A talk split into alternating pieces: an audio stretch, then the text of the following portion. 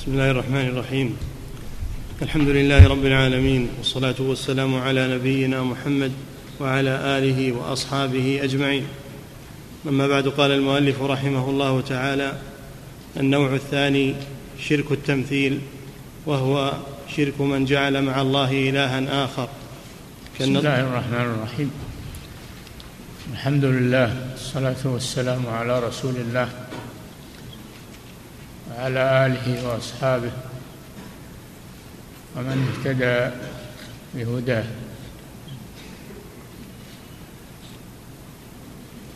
لما فرغ المؤلف رحمه الله من بيان الشرك في توحيد الألوهية الذي هو مثار النزاع بين الأنبياء وبين أممهم من المشركين والذي هو معنى لا إله إلا الله توحيد الألوهية هو معنى لا إله إلا الله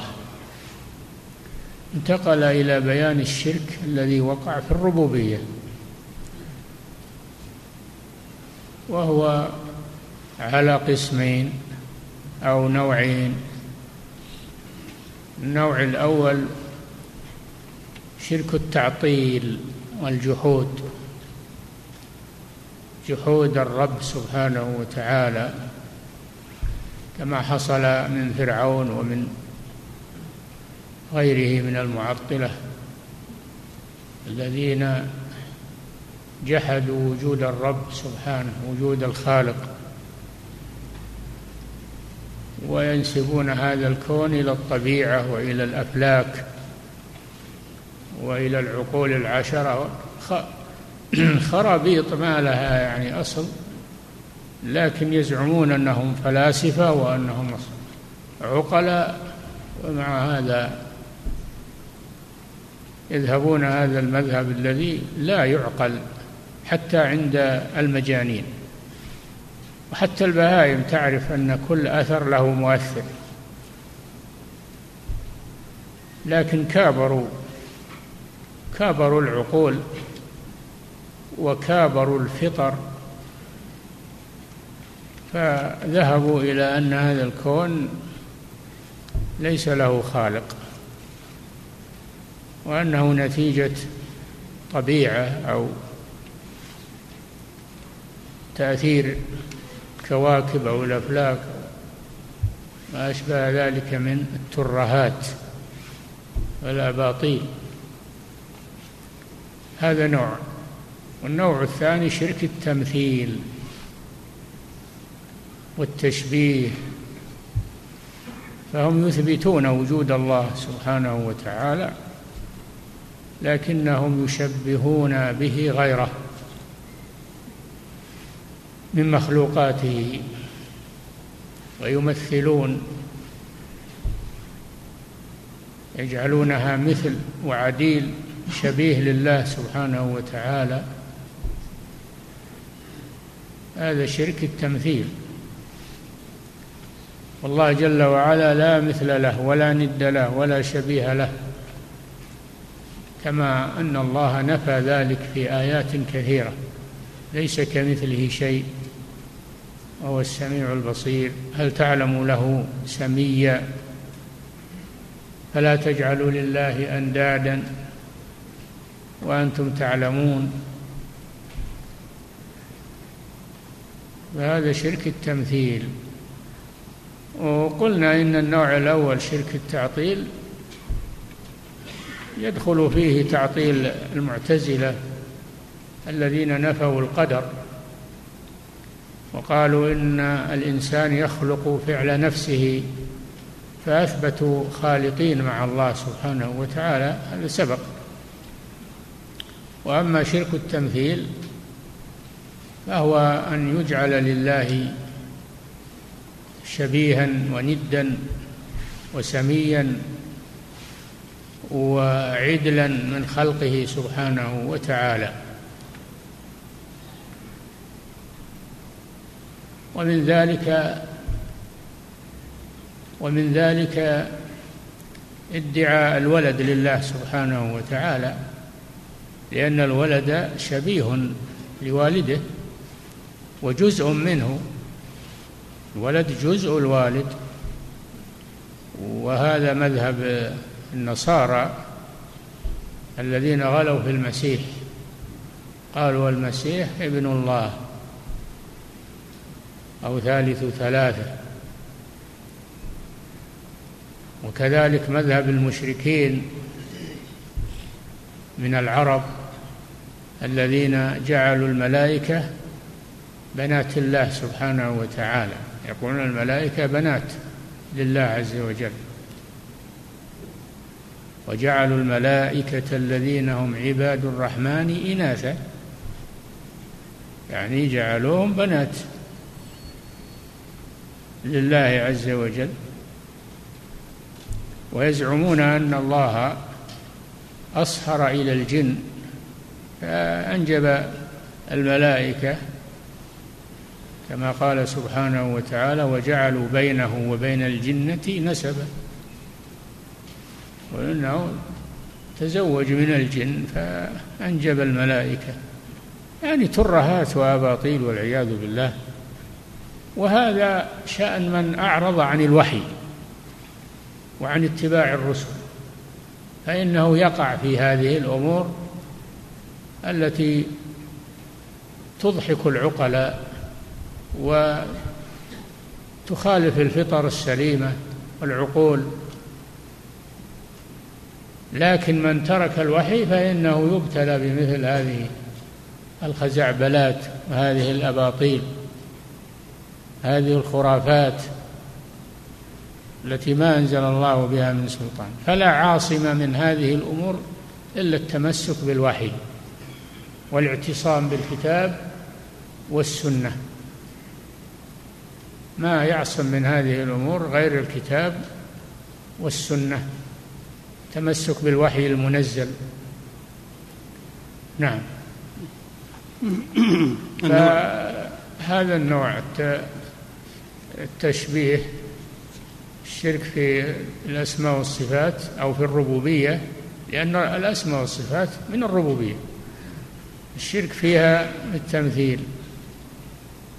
والتشبيه و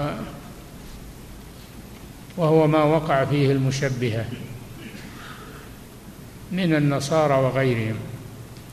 تشبيه وكذلك التشبه التشبه بالله عز وجل التشبيه والتشبه سيشرحه المؤلف نعم النوع الثاني شرك التمثيل وهو شرك من جعل مع الله إلها آخر نعم كالنصارى في المسيح نعم. واليهود في عزير والمجوس القائلين بإسناد حوادث الخير إلى النور وإسناد حوادث الشر إلى الظلمة نعم نصارى قالوا المسيح ابن الله هم اليهود قالوا عزير ابن الله والمشركون قالوا الملائكة بنات الله فالله جل وعلا رد عليهم فقال أصطفى البنات على البنين ويجعلون لله ما يكرهون لأنهم يكرهون الإناث ومع هذا ينسبونها إلى الله وتصف ألسنتهم الكذب أن لهم الحسنى أم له البنات ولكم البنون إلى غير ذلك من الأدلة التي ترد عليهم فهم لا ينزهون الله عما نزهوا عنه أنفسهم نعم والمجوس القائلين بإسناد حوادث الخير إلى النور وإسناد حوادث الشر إلى الظلمة وشرك القدرية المجوسية مختصر منه نعم وهؤلاء أكثر مشركي العالم وهم طوائف جمة نعم منهم من يعبد أجزاء سماوية ومنهم من يعبد أجزاء أرضية يعبد أجزاء سماوية مثل الكواكب عباد الكواكب الشمس والقمر والنجوم يعبدونها يشبهونها بالله عز وجل ويعبدونها وأجزاء أرضية وهم الذين يعبدون الأصنام والأشجار والأحجار والقبور والأضرحة نعم ومنهم ومن هؤلاء من يزعم أن معبوده أكبر الآلهة كل واحد يدعي أن معبوده أكبر الآلهة ويفتخر به على الآخرين وكلهم كلهم مبطلون لكن يزين لهم ما هم فيه يزين لهم باطلهم فكل يدعي أن معبوده من الجن والإنس والشجر والحجر والكواكب أنه أحسن من آلهة الآخرين زين لهم سوء أعمالهم نعم ومنهم من يزعم أن إلهه من جملة الآلهة نعم ومنهم من يزعم أنه إذا خصه بعبادته والتبتل إليه أقبل إليه واعتنى به نعم إذا خصه أي خص هذا المخلوق بعبادته واعتنى به فإن هذا المخلوق يعتني بمن عبده نعم ومنهم من يزعم ان معبوده الادنى يقربه الى الاعلى الفوقاني والفوق آه ومنهم من يعترف ان معبوده ادنى كالذين يعبدون الاصنام والاشجار والاحجار والاموات ويقولون نحن نعلم انهم لا يضرون ولا ينفعون ولكنهم يقربوننا إلى الله ويشفعون لنا عند الله ويعبدون من دون الله ما لا يضرهم ولا ينفعهم هم يعترفون بهذا أنه لا يضرهم ولا ينفعهم ويقولون هؤلاء شفعاؤنا عند الله لأنهم صالحون ولهم مكانة عند الله عز وجل فهم يشفعون لنا ويقربوننا إلى الله زلفى هكذا زين لهم الشيطان هذا العمل نعم ومنهم من يزعم أن معبوده الأدنى يقربه إلى الأعلى الفوقاني والفوقاني يقربه إلى من هو فوقه نعم حتى تقربه تلك الآلهة إلى الله سبحانه وتعالى فتارة تكثر الوسائط وتارة تقل نعم فإذا عرفت هذه الطوائف وعرفت اشتداد نكير الرسول صلى الله عليه وسلم على من اشرك به سبحانه وتعالى في الافعال والاقوال والارادات كما تقدم ذكره انفتح لك باب الجواب عن السؤال نعم فنقول اعلم ان حقيقه الشرك تشبيه الخالق بالمخلوق وتشبيه المخلوقات بالخالق نعم اما الاول فان المشرك شبه المخلوق بالخالق في خصائص الالهيه وهي التفرد بملك الضر والنفع والعطاء والمنع نعم. فمن علق فمن علق ذلك بمخلوق فقد شبهه بالخالق تعالى وسوى بين التراب ورب الارباب فاي فجور وذنب اعظم من هذا ولهذا يعترفون إذا دخلوا النار هم ومعبودوهم إنكم وما تعبدون من دون الله حصب جهنم الذين أمروهم بعبادتهم ورضوا بعبادتهم لهم يدخلون معهم النار حصبوا جهنم أنتم لها واردون لو كان هؤلاء آلهة ما وردوها كل فيها خالدون في ذلك في هذا المكان او هذا المصير يعترف المشركون لانهم اخطاوا فيقولون تالله يقولون لاصنامهم ومعبوداتهم في النار تالله ان كنا لفي ضلال مبين اذ نسويكم برب العالمين اعترفوا أنهم وقعوا في الضلال في الدنيا حيث سووا هذه الأشياء بالله فعبدوها مع الله سبحانه وتعالى شبهوها بالله هذا مصيرهم يوم القيامة نعم واعلم أن من خصائص الإلهية الكمال المطلق من جميع الوجوه نعم الرب سبحانه وتعالى هو الكامل من جميع الوجوه لا نقص يعتريه سبحانه ولهذا نزه نفسه عن النقائص والعيوب لا تاخذه سنه ولا نوم الحي الذي لا يموت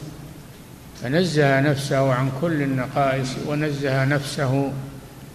عن الوالد والولد و نزه نفسه عن الصاحبة والزوجة لأن هذه كلها نقائص لأن الزوج بحاجة إلى الزوجة هو محتاج والله جل وعلا ليس بحاجة إلى أحد أنى يكون له ولد ولم تكن له صاحبة يعني زوجة منين يجي الولد أنى يكون له ولد يعني من أين يأتيه الولد ولم تكن له صاحبة أي زوجة أنتم تشوفون إن ما أحد يجيها أولاد إلا من الزوجة نعم واعلم أن من خصائص الإلهية الكمال المطلق من جميع الوجوه الذي لا نقص فيه بوجه من الوجوه نعم وذلك يوجب أن تكون العبادة له وحده عقلا وشرعا وفطرة اي نعم لا العباده يجب ان تكون للكامل من جميع الوجوه ولا تكون العباده للناقص نعم فمن جعل ذلك لغيره فقد شبه الغير بمن لا شبيه له ولشد ولشده قبحه وتضمنه غايه الظلم اخبر من كتب على نفسه الرحمه انه لا يغفره ابدا انه لا يغفر الشرك إن الله لا يغفر أن يشرك به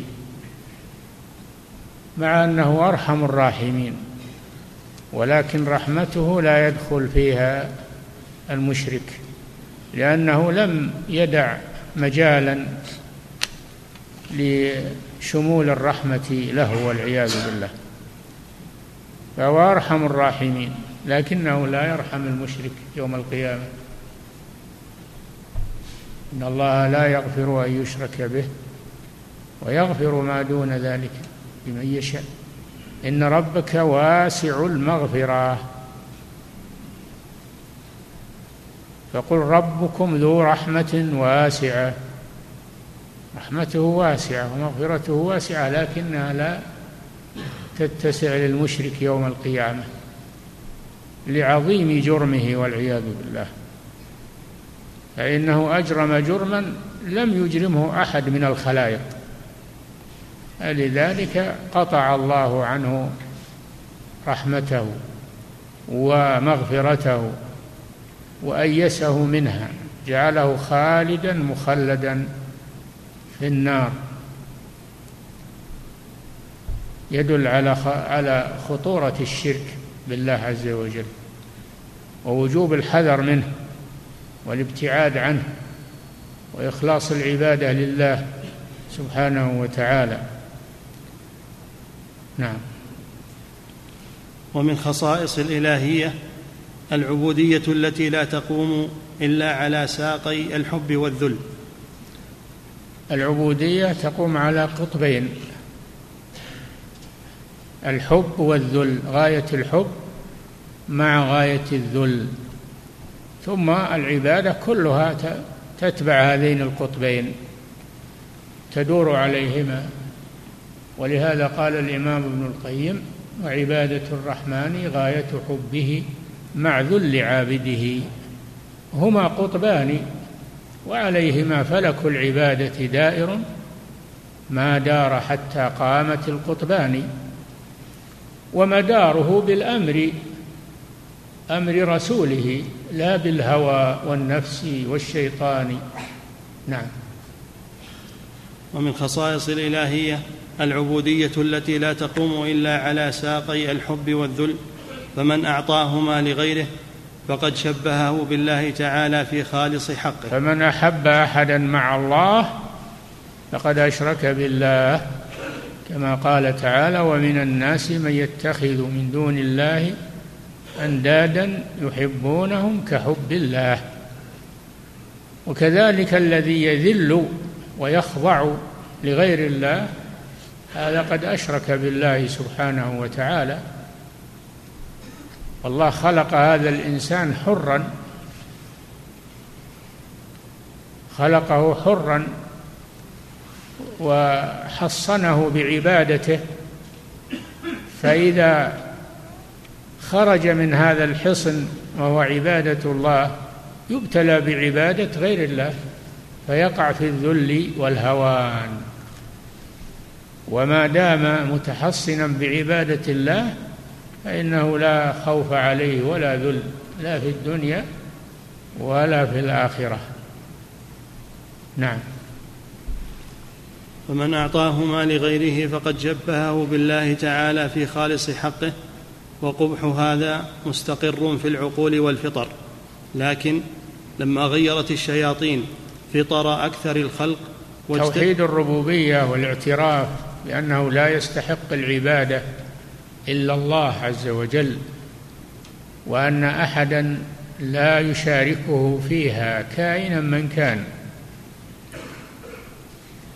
هذا هو مقتضى الفطر التي فطر الله الناس عليها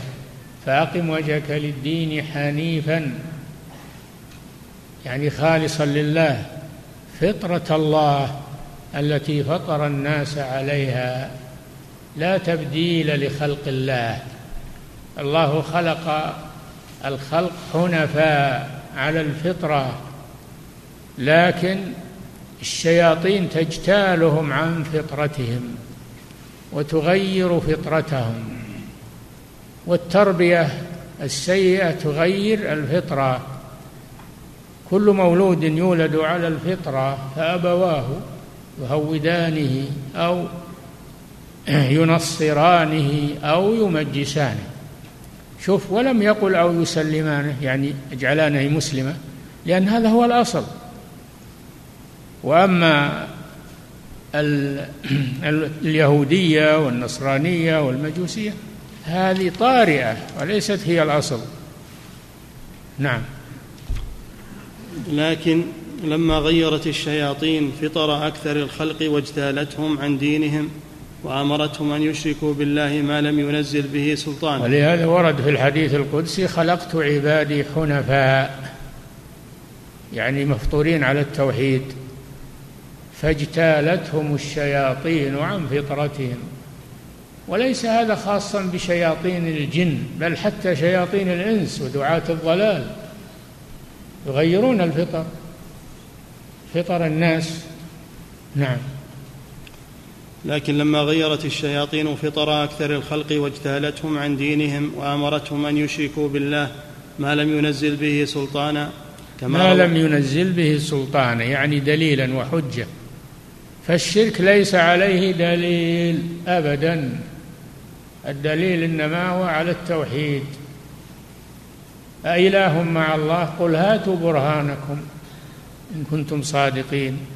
ما على الشرك دليل أبدا وإنما هو شبهات شبهات وحكايات أو أحاديث مكذوبة يتعلقون بها أو رؤى ومنامات يأتيهم بها الشيطان فليس على الشرك دليل ولا برهان ومن يدعو مع الله إلها آخر لا برهان له به إنما حسابه عند ربه إنه لا يفلح الكافرون فلا برهان على الشرك أبدا إنما هي شبهات وأباطيل لا تقوم أمام الحق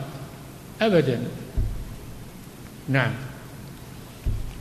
واجتالتهم عن دينهم وامرتهم ان يشركوا بالله ما لم ينزل به سلطانا كما روى ذلك عن الله اعلم الخلق به وبخلقه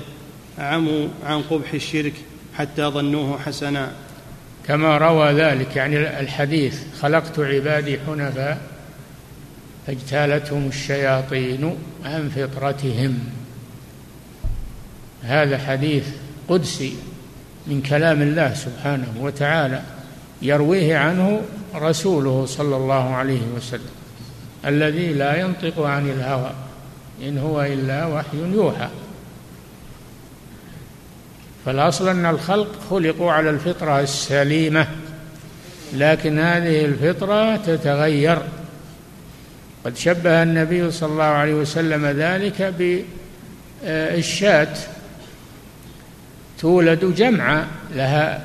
آذان ولها قرون كاملة الخلقة فيأتي الناس فيجدعون قرونها أو آذانها أنتم تجدعونها أنتم تجدعونها تغيرون الخلقة كذلك الشياطين يغيرون الفطرة نعم عموا عن قبح الشرك حتى ظنوه حسنا نعم ومن خصائص الإلهية السجود فمن سجد لغيره فقد من خصائص الإلهية أنه لا يسجد لأحد غير الله ولا يركع لأحد وينحنى لأحد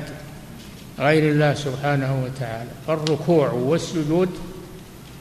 لا يليق إلا بالله سبحانه إلا لله سبحانه وتعالى فمن سجد لغيره فقد أشرك ومن ركع وانحنى لغيره فقد أشرك ما يسمونه بالتحية ينحنون أمامه والآن فيه من الطوائف المنحرفة الضالة من يسجد لهم أتباعهم يسجدون لهم عند أقدامهم هذا شيء موجود نعم عند الباطنية والأغاخانية وغيرهم والحلولية يسجدون لهم نعم ومن ومن خصائص الإلهية السجود فمن سجد لغيره فقد شبهه به شبه المخلوق بالخالق لأنه لا يستحق السجود إلا الله جل وعلا نعم ومنها التوكل فمن توكل على غيره فقد شبهه به نعم ومنها التوكل ومن أنواع العبادة التوكل وهو تفويض الأمور الى الله سبحانه وتعالى والاعتماد عليه دون غيره وعلى الله فتوكلوا ان كنتم مؤمنين وعلى الله فليتوكل المؤمنون ومن يتوكل على الله فهو حسبه ان الله بالغ امره التوكل فاعبده وتوكل عليه توكل من اعظم انواع العباده وهو تفويض الأمور إلى الله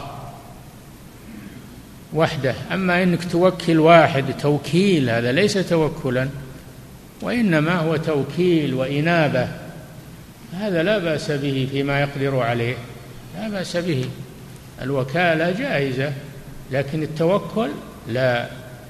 هذا لا يكون إلا لله سبحانه وتعالى لأنه عباده ولا ينافي هذا أن تتخذ الأسباب النافعة تجمع بين الأمرين تعمل الأسباب النافعة مع التوكل على الله ولا تتوكل على الأسباب إنما تتوكل على الله سبحانه وتعالى نعم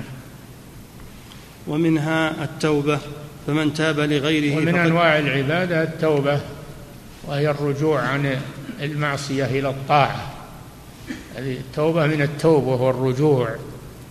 من المعصية إلى الطاعة ومن الانحراف إلى الاستقامة هذا من أنواع العبادة توبوا إليه استغفروه توبوا إليه نعم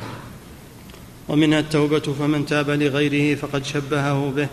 ومنها نعم فالذين يأتون إلى الأولياء يقولون نحن عندنا ذنوب وتوبوا علينا نستغفر عندكم يجون عند القبر ويطلبون منه التوبه هذا شرك اكبر بالله عز وجل النصارى ياتون الى آه، القديس او المعمدان فيطلبون منه الغفران ويعطيهم صك بالغفران ويغطسهم بالماء يسمونه التعميد هذا كله من ترهات وأباطيل النصارى كذلك مثلهم القبوريون الذين يأتون إلى الأولياء ويعترفون بالذنوب عندهم ويزعمون أن الأولياء يحطون عنهم الذنوب والأوزار نعم ومنها الحلف باسمه تعظيما حتى إنهم يخاطبون الرسول صلى الله عليه وسلم بذلك يقول أنا مذنب أنا فعلت كذا وكذا وأنا وأنا ما يعترف عند الله ويطلب من الله المغفرة لا يطلب عند الرسول عند القبر أو عند قبر غير الرسول يجيب ذنوبه ويعترف بها نعم ومنها الحلف باسمه تعظيما فمن حلف ومن أنواع الشرك الحلف بغير الله وهذا معروف عرفناه بأدلته لأنه تعظيم والتعظيم لا يكون إلا لله سبحانه وتعالى نعم فمن حلف بغيره فقد شبهه به ومنها الذبح ومنها الذبح له ومنها أنواع العبادة الذبح على وجه التقرب ذبح الحيوانات المأكولة كالإبل والبقر والغنم يذبحها تقربا إلى القبر أو إلى المخلوق هذا شرك أكبر لأن الذبح على وجه التقرب والعبادة لا يكون إلا لله فصل لربك وانحر قرنه مع الصلاة قل إن صلاتي ونسكي ومحياي ومماتي لله رب العالمين والنسك هو الذبيحه قرنها مع الصلاة فكما أنها لا تجوز الصلاة لغير الله كذلك الذبح لا يجوز لغير الله فمن ذبح لغير الله فقد أشرك الشرك الأكبر يذبحون عند القبور وعند الأولياء والصالحين وهذا شرك أكبر نسأل الله العافية نعم ومنها الذبح له فمن ذبح لغيره فقد شبهه به ومنها حلق الراس الى غير ذلك حلق الراس يكون عباده احيانا مثل حلق الراس في الحج والعمره هذا عباده تفعله عباده لله عز وجل فلا يجوز ان تحلق راسك تعظيما لاحد غير الله سبحانه وتعالى اما ان تحلق راسك من باب التنظف أو إزالة الأذى هذا لا بأس به لا بأس به هذا مباح نعم هذا في جانب التشبيه نعم وأما في جانب التشبه فمن تعاظم وتكبر ودعا الناس إلى إطرائه تشبيه تشبيه الخالق بالمخلوق التشبه تشبه المخلوق بالخالق العكس من تشبه المخلوق بالخالق مثل الكبر فالمستكبر متشبه بالله عز وجل لأنه ما ما في داعي أنه يستكبر مخلوق ضعيف كيف يستكبر الكبرياء لله سبحانه وتعالى التعاظم والفخر وال... كل هذا لا يجوز الإنسان مخلوق ضعيف يتواضع ويعرف ضعفه ولا ينفخ نفسه ويتعاظم نعم تواضع لله عز وجل نعم واما في جانب التشبه فمن تعا فمن تعاظم وتكبر ودعا الناس الى اطرائه ورجائه ومخافته دعا الناس الى تعظيمه والى تفخيمه والى هذا نوع من من التعبد لغير الله سبحانه وتعالى أما إذا الناس وقروه وهو لا يريد ذلك ولا يتطلع إليه لكن الناس احترموه ووقروه لا بأس بذلك أما أنه يطلب من الناس ويتطلع إلى أن الناس يعظمونه واللي ما يعظمه يزعل عليه ويغضب فهذا من حق الله سبحانه وتعالى نعم فمن تعاظم وتكبر ودعا الناس إلى إطرائه ورجائه ومخافته فقد تشبه بالله ونازعه في ربوبيته نعم وهو حقيق بأن يهينه الله غاية الهوان نعم ولهذا جاء في الحديث أن المتكبرين يوم القيامة يحشرون أمثال الضر الذر النمل الصغير يطأهم الناس والعياذ بالله نعم وهو حقيق بأن يهينه الله غاية الهوان ويجعله كما كما أن من تواضع لله رفعه الله في الحديث من تواضع لله رفعه الله نعم وهو حقيق بأن يهينه الله غاية الهوان ويجعله كالذر تحت أقدام خلقه يوم القيامة نعم وفي الصحيح عنه صلى الله عليه وسلم أنه قال يقول الله تعالى العظمة إزاري والكبرياء ردائي فمن نازعني في واحد منهما عذبته فالعظمه من صفات الله والكبرياء من صفات الله فمن تعاظم وتكبر فقد اشرك نفسه مع الله فيما هو من صفاته وخصائصه فالانسان يجب عليه ان يحقر نفسه وان يتواضع وان يذل وان يرى نفسه من اصغر الناس وأضعف الناس وحتى ولو كان في منصب رفيع وفي يرى نفسه أنه هو ضعيف فعلا هو ضعيف وله ملك آه، كبير له ملك كبير و فهو ضعيف إنسان ضعيف يروى أن أن أحد خلفاء بني أمية بني العباس طلب من أبي حازم ورجل عالم ناصح أن ينصحه طلب منه أن يعظه فطلب الوالي كوبا من ماء ليشرب على العادة فقال له يا أمير المؤمنين لو أنك ظمئت وقيل لك ما نبيع عليك إلا بنصف ملكك هذا الكوب ما نعطيك إياه إلا بنصف ملكك وأنت تبي تهلك من العطش قال نعم أشتريها بنصف ملكي ولا أموت قال طيب إذا شريته بنصف ملكك وشربته وذهب عنك العطش انحبس فيك البول انحبس البول فيك قال واحد أنا ما أخرج البول منك إلا بنصف ملكك قال أعطيه إياه أعطيه النصف ولا أموت بالبول قال بئس لملك لملك يذهب بشربة وبولة يذهب بنصف شربة وببولة اطلب الملك من عند الله عز وجل الذي لا ينفد ولا ينقطع اطلب هذا عند الله موعظة عظيمة وهي سهلة نعم وإذا كان المصور الذي يصنع الصور بيده من أشد الناس عذابا يوم القيامة وهذا من التشبه بالله صناعة الصور لأن الله هو المصور وهو الخلاق فهذا المخلوق الضعيف يحاول أن يتشبه بالله فيوجد صورة على شكل ما خلقه الله يجعل لها عينين وفما ويجعل لها يدين ورجلين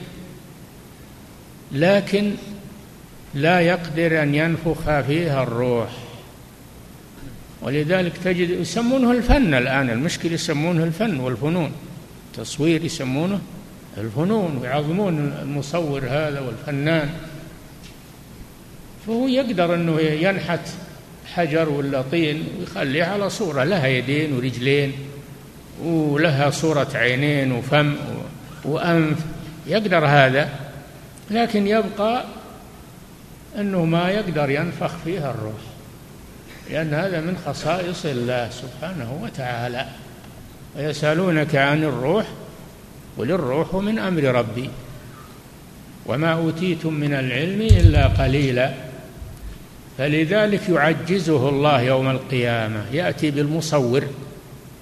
فيقول له أحيي ما خلقت انفخ فيه الروح فلا يستطيع يأمره أمر تعجيز وتعذيب والعياذ بالله وخزي انفخ فيه الروح فلا يستطيع ذلك لأن الروح لا يقدر عليها إلا الله سبحانه وتعالى فلا يجوز التصوير لا بالرسم باليد ولا بالنحت ولا بالالتقاط بالآلة الكهربائية كله يدخل تحت مسمى التصوير والمصور متشبه بالله ولهذا قال الله جل وعلا في الحديث القدسي ومن اظلم ممن ذهب يخلق كخلقي اشد الناس عذابا يوم القيامه الذين يضاهئون بخلق الله يضاهئون يحاولون ان يوجدوا صوره تشبه ما خلقه الله سبحانه وتعالى هذا من خصائص الله ولا يجوز لأحد أن يعمله فيحترف التصوير أو يعمل التصوير ويعتبر هذا فنا من الفنون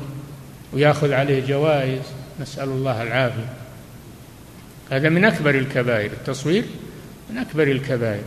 ومن أظلم ممن ذهب يخلق كخلقي أشد الناس عذابا يوم القيامة المصورون قالوا لهم احيوا ما خلقتم احيوا ما خلقتم ولا يستطيعون ان يحيوها فاذا لم يستطيعوا ان يحيوها عذبهم الله سبحانه وتعالى فالموقف عظيم والخطر عظيم ولكن يبقى اذا احتاج الناس الى الصوره حاجه ضروريه مثل ان تكون ل لأجل إثبات الشخصية أو أو ضبط الجرائم أو ضبط الأمن أو هذه ضرورية ويباح للضرورة ما لا يباح في حالة غير الضرورة الله جل وعلا قال وقد فصل لكم ما حرم عليكم إلا ما اضطررتم إليه فإذا اضطر الناس إلى التصوير فيصورون في أضيق أضيق صورة ولا يتنبسطون ويتوسعون يجعلونه فنا من الفنون ويعلقونه على جدرانهم وعلى مجالسهم وعلى أو في الشوارع هذا هذا مضاهاة لخلق الله معصية لله كبيرة من كبائر الذنوب فلا تجعل في بيتك تصاوير لا تدخل الملائكة بيتا فيه كلب ولا صورة لا تدخله ملائكة الرحمة وإذا لم تدخله ملائكة الرحمة تدخله الشياطين فلا تبقي في بيتك تصاوير أبدا إلا الصورة التي تحتفظ بها للضرورة فقط أما للذكريات أما للفنون أما هذا كله ما يجوز وإن تساهل فيه الناس وصاروا يضحكون على اللي ينكر التصوير ويصفونه بالمتشدد ويصفونه بأوصاف بالمتشدد بالمتطرف إلى آخر ما ما علينا منهم ما علينا منهم علينا من ديننا نعم وإذا كان المصور الذي يصنع الصور بيده من أشد الناس عذابا يوم القيامة كما صح في الأحاديث أشد الناس عذابا يوم القيامة المصورون وجاء في تفسير قوله تعالى إن الذين يؤذون الله ورسوله أنها في المصورين التصوير أذية لله نعم من أشد الناس عذابا يوم القيامة لتشبهه بالله والله جل وعلا يتأذى لكنه لا يتضرر قال قال الله جل وعلا يؤذيني ابن ادم يؤذيني هذا يدل على ان الله يتاذى بافعال عباده لكنه لا يتضرر سبحانه وتعالى لا يضره شيء نعم من اشد الناس عذابا يوم القيامه لتشبهه بالله في مجرد الصنعه فما الظن بالمتشبه مجرد الصنعه يعني اللي يجعل نفسه يصنع الصور ويبيعها أو يعملها للناس حرفة له هذا من أشد الناس عذابا يوم القيامة ومكسبه حرام الذي يأخذه من ورائها لأنها في مقابل صنعة محرمة واللي يبيع الصور هو ما صنعها ولا لكن يبيعها هذا أيضا يأكل حراما لأنه يبيع شيئا محرما نعم واذا كان المصور الذي يصنع الصور بيده من اشد الناس عذابا يوم القيامه لتشبهه بالله في مجرد الصنعه فما الظن بالمتشبه بالله في الربوبيه والالوهيه نعم هذا اشد نعم كما قال صلى الله عليه وسلم اشد الناس عذابا يوم القيامه المصورون يقال لهم احيوا ما خلقتم احيوا ما خلقتم لا يملك الحياة إلا الله سبحانه وتعالى نعم وفي الصحيحين عنه صلى الله عليه وسلم أنه قال يقول الله عز وجل ومن أظلم ممن ذهب يخلق كخلقي فليخلقوا ذرة فليخلقوا شعيرة فليخلقوا ذرة وهي النملة الصغيرة لا يقدرون على ذلك وهم يزعمون أنهم فنانين وأنهم يصورون الصورة على شكل ما خلقه الله الله يتحداهم يقول اخلقوا ذرة صغيرة حشرة أو شعيرة حبة الشعير وهي الجماد فلا يقدرون على إيجاد الجماد ولا على إيجاد الحيوان لا يقدر على هذا إلا الله سبحانه وتعالى نعم وفي الصحيحين عنه صلى الله عليه وسلم انه قال يقول الله عز وجل ومن اظلم ممن ذهب يخلق كخلقي فليخلقوا ذره فليخلقوا شعيره فنبه بالذره والشعيره لان الخلق لله عز وجل هو الخلاق لا يقدر على الخلق الا هو هو الخالق سبحانه الله خالق كل شيء وهو الخلاق العليم آه، والله تحدى المشركين إن الذين تدعون من دون الله لن يخلقوا ذبابا ولو اجتمعوا له اجمع كلمة في الدنيا من الصناع ومن المخترعين ومن الأطباء ومن ومن خلهم يصنعون ذباب هم يمكن يصورون الذباب لكن خلهم ينفخون فيه الروح ويخلونه يتحرك ويطير ما يقدرون على هذا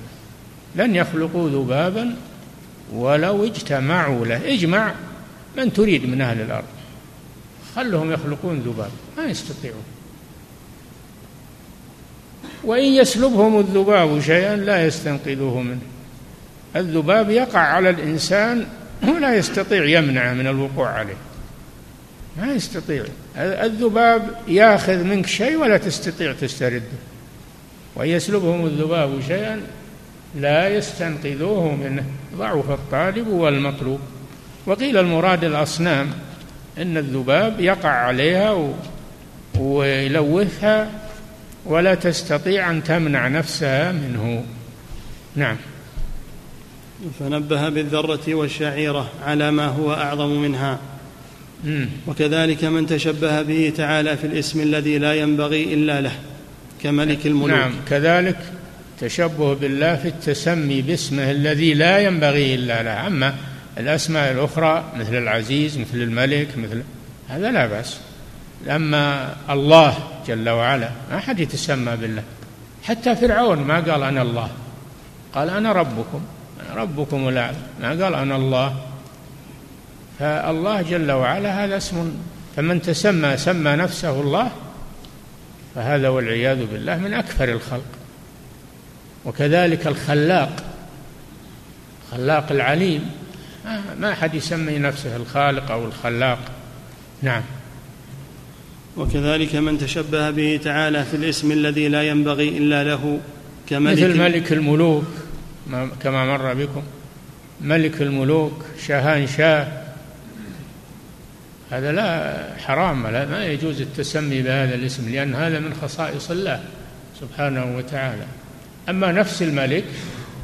الله ملك سبحانه هو الملك لكن أيضا المخلوقين فيهم ملوك يقال الملك فلان نعم وكذلك من تشبه به تعالى في الاسم الذي لا ينبغي إلا له كملك الملوك وحاكم الحكام وقاضي القضاة ونحوه حاكم الحكام وملك الملوك وقاضي القضاة الله هو الذي يقضي بين خلقه يوم القيامة القضاة وغيرهم يحضرون يوم القيامة فيقضي الله بينهم نعم وقد ثبت في الصحيحين عنه أنه قال إن أقنع الأسماء عند الله عز وجل يعني أنقصها وأذلها نعم إن أقنع الأسماء عند الله عز وجل رجل تسمى ملك, ملك الأملاك لا مالك إلا الله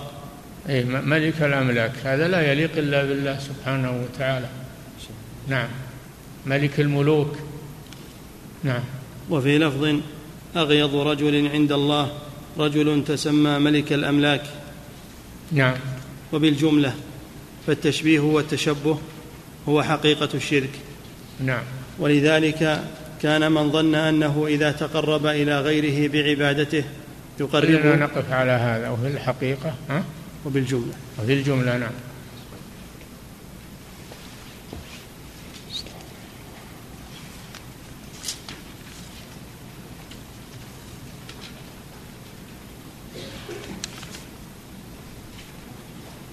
يقول فضيلة الشيخ وفقكم الله لماذا سمي تعطيل الخالق شركا وذلك أن المعطل لا يعبد مع الله إلها آخر وإنما ينكر وجود الرب نعم أنه سلبه سلبه الربوبية سلب الله ربوبيته سبحانه وتعالى وجعل الطبيعة هي التي تخلق والأفلاك هي اللي تخلق هذا شرك بالله جعل خالقين مع الله سبحانه وتعالى فالمعطل ما يقول ان هذه الموجودات ما وجدت بدون موجب لا موجدها الافلاك موجدها العقول العشره او او وجدتها الطبيعه او ما اشبه ذلك او النجوم والكواكب هذا شرك بالله عز وجل نعم يقول فضيلة الشيخ وفقكم الله في كتاب الصف الأول الابتدائي يعلمون الطلاب كيف نعرف الله والجواب نعرفه باياته ومخلوقاته هذا كلام شيخ الاسلام محمد بن عبد الوهاب فاذا قيل لك بما عرفت ربك فقل باياته ومخلوقاته من اياته الليل والنهار والشمس والقمر نعم يقول فضيله الشيخ وفقكم الله هل الذي لا يستطيع اظهار دينه من الدعوه للتوحيد والتحذير من البدع ويجبر على ارتكاب المعاصي هل تجب عليه الهجره بلا شك اذا قدر عليها تجب عليه ولا يجوز له ان يبقى في بلد لا يقدر على اظهار دينه او يجبر على فعل المحرمات نعم يقول فضيله الشيخ الم تكن ارض الله واسعه فتهاجروا فيها نعم فأولئك مأواهم جهنم ساءت مصيرا نعم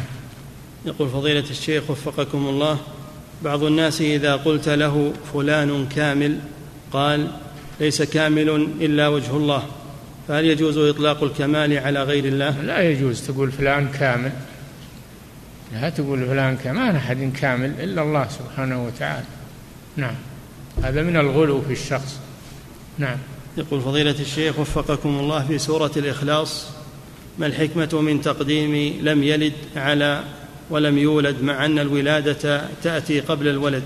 لأنهم ادعوا له الولد ردا على النصارى وعلى المشركين لأنهم ادعوا له الولد نعم يقول فضيلة الشيخ وفقكم الله القول بأن القرآن مخلوق هل هو هل هو كفر اكبر مخرج عن المله؟ نعم من قاله متعمدا فهو كافر الكفر الاكبر ولذلك كفروا الجهميه اما من قاله مقلدا او متاولا وهو ما يدري فهذا ضال قال انه ضال ولا يكفر حتى تقام عليه الحجه نعم يقول فضيلة الشيخ وفقكم الله في قول القحطاني رحمه الله في النونية والله, والله يقول في قول القحطاني في النونية والله في القرآن أخبر أنه يأتي بغير تنقل وتداني هل نثبت أو ننفي عن الله صفة الانتقال يعني قصد تنقل المخلوق من غير تنقل كتنقل المخلوق وإنما يأتي كيف شاء سبحانه وتعالى ولا نقول أنه يتنقل أو أنه يعني هذا ما جاء في احنا نقف مع الدليل نعم يقول فضيلة الشيخ وفقكم الله هل يتفاوت الناس في أصل الإيمان وفي كماله نعم هل يتفاوت الناس في أصل الإيمان وفي كماله يتفاوتون تفاوتا عظيما في الإيمان بعضهم أعظم إيمانا من الآخر بعضهم قوي الإيمان بعضهم ضعيف الإيمان هو الناس سوا في الإيمان نعم ما يقول أن الناس سوا في الإيمان إلا المرجئة أما أهل السنة والجماعة يقولون لا الإيمان يزيد وينقص والإيمان يتفاضل بعضه أفضل من بعض حب الناس واحد نعم يقول فضيلة الشيخ وفقكم الله ذكرتم حفظكم الله أن العبادة لها قطبان هما المحبة والذل السؤال كيف كيف تقوى محبة الله تعالى والذل له في قلب الإنسان هذا شيء يجعله الله سبحانه لكن الإنسان إذا خشي ربه وامتثل أوامره واجتنب نواهيه فإن هذا ينمي حب الله في قلبه كذلك ينظر إلى نعم الله يتفكر في نعم الله عليه هذا يورثه محبة الله الذي أنعم عليه بهذه النعم نعم يقول فضيلة الشيخ وفقكم الله هل يجوز أن ينسب للطبيعة شيء كقولهم إن سبب الزلازل هو ضعف القشرة الأرضية الزلازل ذكر ابن القيم في مفتاح دار السعادة ذكر لها سببا الله يجعل الأشياء مربوطة بأسبابها ما في شك هذا شيء ما له سبب الله يجعل الأشياء بأسبابها والزلازل لها أسباب ما في شك نعم يقول فضيلة الشيخ وفقكم الله ما حكم قول القائل أنا متوكل على الله ثم عليك ما يقول متوكل يقول أنا متوكل على الله لفظ التوكل لا يكون إلا لله أما التوكيل تقول أنا موكلك أنت وكيلي نعم يقول فضيلة الشيخ وفقكم الله أشكل علي ما ورد عن عمر بن الخطاب رضي الله عنه من قوله للرسول صلى الله عليه وسلم أتوب إلى الله ورسوله في حديث إكثار السؤال على الرسول عليه الصلاة والسلام لما قال سلوني ما شئتم فهل هذا من التوبة لأنه, لأنه شق على الرسول صلى الله عليه وسلم فهو يعتذر إليه يعتذر إليه مما حصل معنى إلى رسوله يعتذر نعم يقول فضيلة الشيخ وفقكم الله يقول من المعلوم أن الصلاة في المسجد الذي فيه قبر لا تصح فما ضابط كون المسجد فيه قبر وهل قرب القبر من المسجد مؤثر على ذلك الضابط كون المسجد على القبر أن يكون متصلا به ليس بينه وبينه طريق أو فضاء أما إذا كان جدار القبر بجدار المسجد هذا متصل به سواء كان من الخلف أو من الأمام أو عن اليمين أو عن الشمال هذا قبر متصل بالمسجد فهذا قبر مسجد على قبر نعم أما إذا كان منفصل خارج عن المسجد إما بشارع وإما بفضاء وإما ب آه، أي حائل آه، يفصل بين المسجد وبين القبر فصلا واسعا ما هو فصل الجدار فقط لا فصل فضاء طريق شارع بيوت ما أشبه ذلك نعم يقول فضيلة الشيخ وفقكم الله هل هناك فرق بين العبودية والألوهية لا العبودية هي الألوهية نعم يقول فضيلة الشيخ وفقكم الله هل يجوز الانحناء وتقبيل الركبة إذا كانت ركبة الوالدين أو العالم نعم هل يجوز الانحناء وتقبيل الانحناء الانحناء لا ما يجوز لا للوالد ولا لغيره ولا للملك ولا لغيره الانحناء هذا ركوع لا يكون إلا لله أما تقبيل اليد للوالد وولي الأمر والقاضي آه، العالم هذا رخصوا به تقبيل اليد لهؤلاء الثلاثة العالم ولي الأمر الوالد نعم من باب الإكرام له نعم يقول فضيلة الشيخ وفقكم الله أيهما أعظم شرك التمثيل أم شرك التعطيل لا شك أن التعطيل أشد لأن التعطيل جحود للخالق أصلا أما التمثيل فهو يعترف بالخالق لكن يشبهه غيره نعم يقول فضيلة الشيخ وفقكم الله ما نوع الإضافة في قوله سبحانه وتعالى في الحديث العظمة إزاري والكبرياء ردائي إضافة صفة إلى موصوفها إضافة صفة إلى موصوفها مثل رحمة الله رضاه غضبه صفات مضافة إلى الموصوف نعم كلام الله موصوف صفة إلى موصوف نعم يقول فضيلة الشيخ وفقكم الله ذكرتم حفظكم الله أن حلق الرأس عبادة إذا كان في الحج أو العمرة وأنه لا يجوز الحلق لغير الله فعندنا يقول عندنا في بلادنا يجبر الجنود على حلق رؤوسهم ولي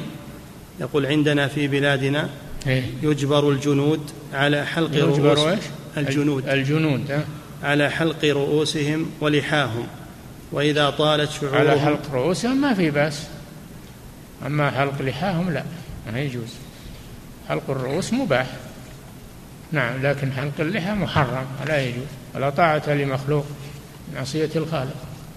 نعم فضيلة الشيخ وفقكم الله هذا سؤال تكرر وهذا واحد منه يقول يحتج كثير من الناس أو يقول كثير من الناس هذه الأيام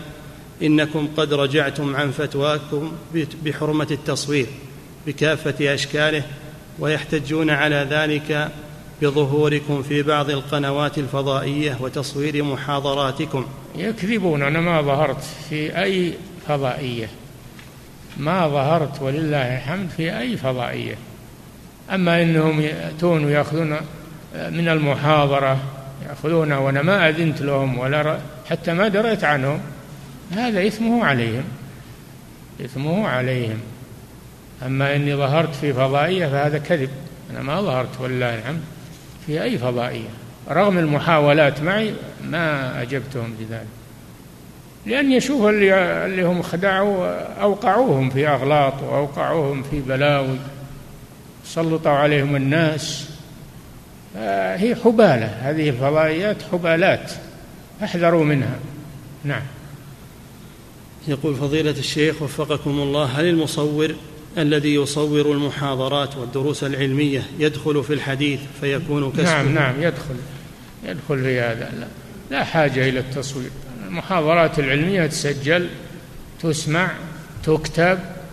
المقصود حاصل بدون التصوير نعم يقول فضيلة الشيخ وفقكم الله هل الصور الفوتوغرافية التي تكون في الجوال وتصور بالجوال هل تدخل من ضمن الصور المحرمه وهل يجوز بيع الجوالات التي تكون فيها كاميرا وهل يجوز استخدامها في التصوير الصور عامه الجوالات وغيرها الحديث ما خصص شيء واله التصوير ايضا عامه يحرم بيعها يحرم بيعها اذا كانت خاصه بالتصوير اما الجوال الذي تحتاجه للمكالمات والاتصالات فهذا تعطل ما فيه من التصوير تعطله تعطيلا تاما وتعمل شيء يجعله ما يصور ولا تركه واشتري واحد ساده ما فيها ما فيه كاميرا نعم يقول ثم تعطل هذه الكاميرا ولا تخليها ما تصلح للاستعمال والا اشتر شيء خالي من الكاميرا وهو كثير ولله الحمد نعم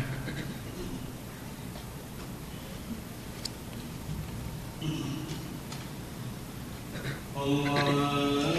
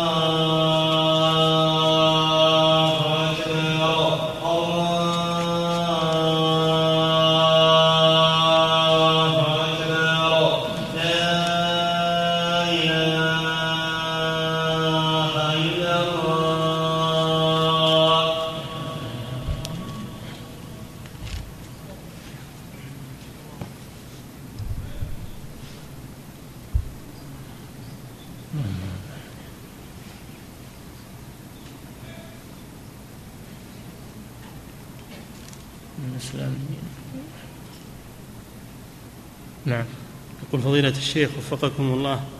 ما حكم الصور التي تكون على ملابس الأطفال لا تشتري ملابس فيها صور لا للأطفال ولا للكبار الملابس كثيرة ولله الحمد ما فيها صور اشر نعم يقول فضيلة الشيخ وفقكم الله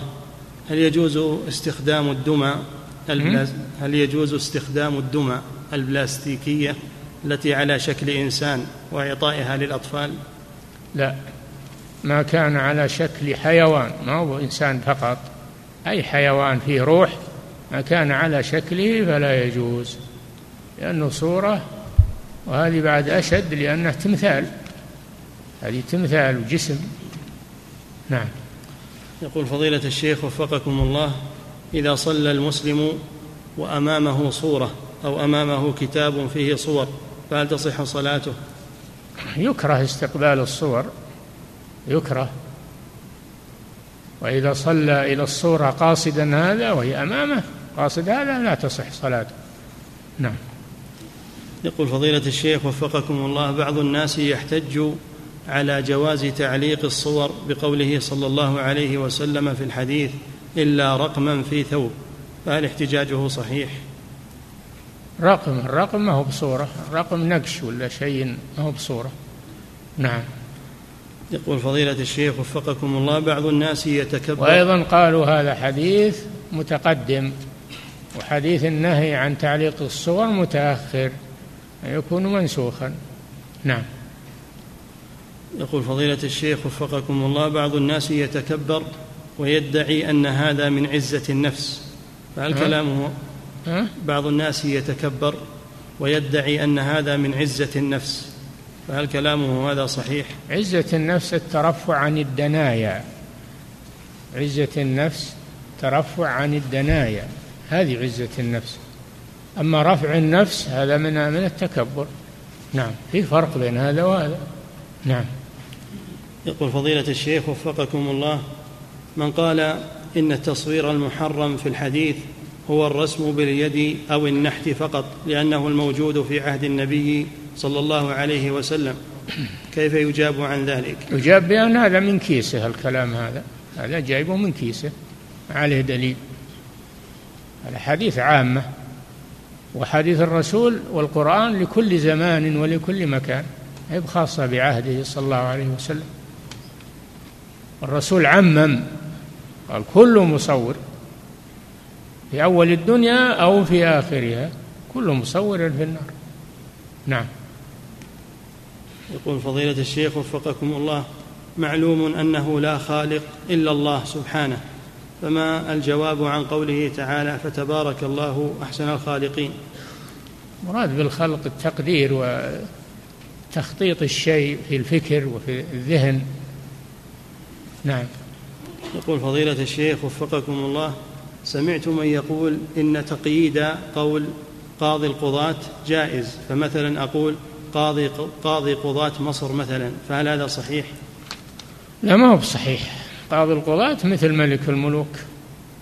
ما يجوز اللي يقضي بين القضاة هو الله جل وعلا يوم القيامة هو الحكم وإليه الحكم نعم فالمعنى موجود في هذا نعم يقول فضيلة الشيخ وفقكم الله يقول في بلادنا كثير من الناس لا يعرفون العقيدة الصحيحة وأكثرهم صوفيون وأنا طالب في جامعة الإمام من طلاب المنح هل يمكن أن أشرح لأهلي ولأصدقائي هذا الكتاب كتاب تجريد التوحيد وبما تنصحني حفظك الله في تعليم العقيدة بأي كتاب أبدأ إذا ذهبت هناك الله أقرب شيء و أوضح شيء كتاب التوحيد للشيخ محمد بن عبد الوهاب لأنه مبني على آيات وأحاديث وكلام أهل العلم والسلف الصالح أحسن شيء تقرأ عليهم فيه وتقرأ في شروحه عليهم نعم يقول فضيلة الشيخ وفقكم الله هل كل ذبيحة للمسلم تقربه إلى الله أم الذبح معنية التقرب الذبح للحم والأكل هذا هذا مباح أليس عبادة والذبح للضيف والقادم هذا إكرام وليس عبادة ضيافة أما الذبح على وجه التقرب وطلب الأجر فهذا لا يكون إلا لله سبحانه وتعالى نعم يقول فضيلة الشيخ وفقكم الله أو الذبح تعظيم مثل إذا نزل الوفد أو ذبحوا عند الطائرة أو عند نزوله من السيارة تعظيما له هذا ذبح تحية والعياذ بالله ذبح تحية وتعظيم فهو شرك نعم يقول فضيلة الشيخ وفقكم الله كيف يحافظ المسلم على فطرته وفطرة من يعول مع كثرة الملهيات والقنوات استعين بالله عز وجل ويبتعد عن مغيرات الفطر يبتعد عنها ويحمي نفسه وأولاده وبيته أهم شيء البيت أهم شيء البيت خله سالم وخالي من هذه الاشياء نعم يقول فضيله الشيخ وفقكم الله هل يجوز تقييد الاحكام الشرعيه في القضاء ومنع الاجتهاد لكي يكون الحكم موحدا في جميع القضايا نعم الحكم يكون بالكتاب والسنه على ضوء آه، كلام اهل العلم لانه يقرب لان كلام اهل العلم وكتب الفقه تقرب معاني الكتاب والسنة فهي يستعان بها ولا يعتمد عليها يعتمد على الكتاب والسنة لكن هذه الكتب والفقهيات هذه تقرب لك فهم الكتاب والسنة تستعين بها ولا تعتمد عليها تعتمد على الدليل من الكتاب والسنة نعم يقول فضيلة الشيخ وفقكم الله من صلى وعلى ثيابه صور فهل صلاته صحيحة صلاته صحيحة لكن مع الإثم يأثم يأثم بحمل الصور معه نعم يقول فضيلة الشيخ وفقكم الله يقول السائل حكومة بلدي منعت لبس النقاب في الشوارع وكل الأماكن العامة سؤاله هل يجوز لي أن أطلب من زوجتي أن تكشف وجهها وأن تخرج فقط للضرورة علما بأنها إن لم تفعل فإنها قد تسجن وأنا لا أستطيع أن أهاجر إن لم تفعل إيش علما أنها إذا لم تفعل فقد تسجن تسجن نعم ما أظنها تسجن ما أظنها تسجن اللي يسجن اللي يحصل منه خلل إخلال بالأمن اللي يحصل منه إخلال بالأمن يسجن أما اللي ما يحصل منه إخلال بالأمن فلا يسجن وعليكم الصبر عليكم بالصبر والتمسك بدينكم واستعينوا بالله واصبروا كما قال موسى عليه السلام لقومه استعينوا بالله واصبروا إن الأرض لله يورثها من يشاء من عباده والعاقبة للمتقين نعم وله بالضروري أن زوجك تطلع للشوارع وتطلع خلها في البيت نعم يقول فضيلة الشيخ وفقكم الله هل ورد أن الكلب الأسود والقط الأسود أنها شيطان نعم الكلب الأسود البهيم الكلب الأسود البهيم الذي ليس فيه لون غير السواد هذا ورد أنه شيطان في الحديث أما القط لا نعم، ما أذكر شيء نعم يقول فضيلة الشيخ وفقكم الله امرأة تسأل فتقول إنها تأتيها كدرة قبل الدورة بيوم أو بيومين فهل تترك الصلاة قبل رؤية دم الحيض؟ نعم إذا كانت الكدرة والصفرة متصلة بالحيض فهي من الحيض تترك الصلاة من أجلها نعم يقول فضيلة الشيخ وفقكم الله أدركت الجماعة الأولى في التشهد الأخير ثم بعد فراغ الجماعة الأولى أقيمت جماعة أخرى فترددت هل أقطع صلاتي وأصلي معهم من بداية الصلاة لكني أتممت الأولى ولحقت بهم فأدركتهم في ركعتين فهل فعلي هذا صحيح لكني ايش يقول لكني أتممت صلاتي ثم أتممت آه، مثل هذا يتمها نافلة إذا دخل مع الجماعة في آخر الصلاة وجاء جماعة ثانية وما أدرك الجماعة في آخر الصلاة فهو يتمها نافلة ركعتين ويلحق بالجماعة نعم يقول فضيلة الشيخ وفقكم الله لا أستطيع القيام للصلاة إلا معتمدا على عصا أو على الطرف الصناعي فما حكم اعتمادي عليهما أثناء الوقوف في الصلاة لا بأس بذلك فاتقوا الله ما استطعتم فإذا كنت لا تستطيع القيام إلا معتمدا على شيء فلا بأس بذلك نعم يقول فضيلة الشيخ وفقكم الله مؤسسة تخرج أثاثها من كراس ونحوه ولا يستفاد منها فهل لي أن أخذها استأذن استأذن المسؤول استأذن المسؤول إذا أذن لك لا بأس نعم يقول فضيلة الشيخ وفقكم الله إذا دخلت المسجد وكان الوقت إلا إن كان هي ملقاة في الزبالة أو في الشوارع ملقاة خذ منها أما إذا كان ما ألقيت وإنما أخرجت وجمعت في مكان فلا تأخذ منها شيء إلا بإذن المسؤول نعم قل فضيلة الشيخ وفقكم الله إذا دخلت المسجد وكان الوقت وقت نهي وهو طويل فإني أجلس ولا أصلي تحية المسجد لنهي النبي صلى الله عليه وسلم عن الصلاة بعد بعد العصر حتى تغرب الشمس فهل فعلي هذا صحيح؟ نعم لا بأس عليك إن صليت فلا بأس وإن جلست فلا بأس كل له وجه نعم يقول فضيلة الشيخ وفقكم الله هل الاحتفاء سنة وهو أن يمشي المرء دون حذاء أحيانا هل الاحتفاء الاحتفاء سنة إذا كنت تأمن على رجلك لأن الآن الأرض اختلفت صار فيها زجاج وصار فيها أشياء خطيرة أما إذا كنت في أرض سليمة ولا فيها مخاطر فلا بأس أنك تحت تحفى لأجل تتعود على الجلد وعلى القوة نعم يقول فضيلة الشيخ وفقكم الله يقول كثير ما يسألني الزملاء في العمل فأنقل لهم فتاوى العلماء المعتبرين كفتاوى اللجنة وفتاوى ابن باز وغيرهم فهل للسائل أن يعمل بهذا أم لا بد أن يسأل من يفتيه إذا كان عنده العلماء فلا ترجع إلى إلى الفتاوى خلهم يسألون العلماء الموجودين إما يتصلون بهم وإلا يلتقون بهم وإما لأنهم عندهم الإمكانية أما إذا كانوا في بلد ليس فيها علماء فلا بأس أن تنقل لهم هذه الفتاوى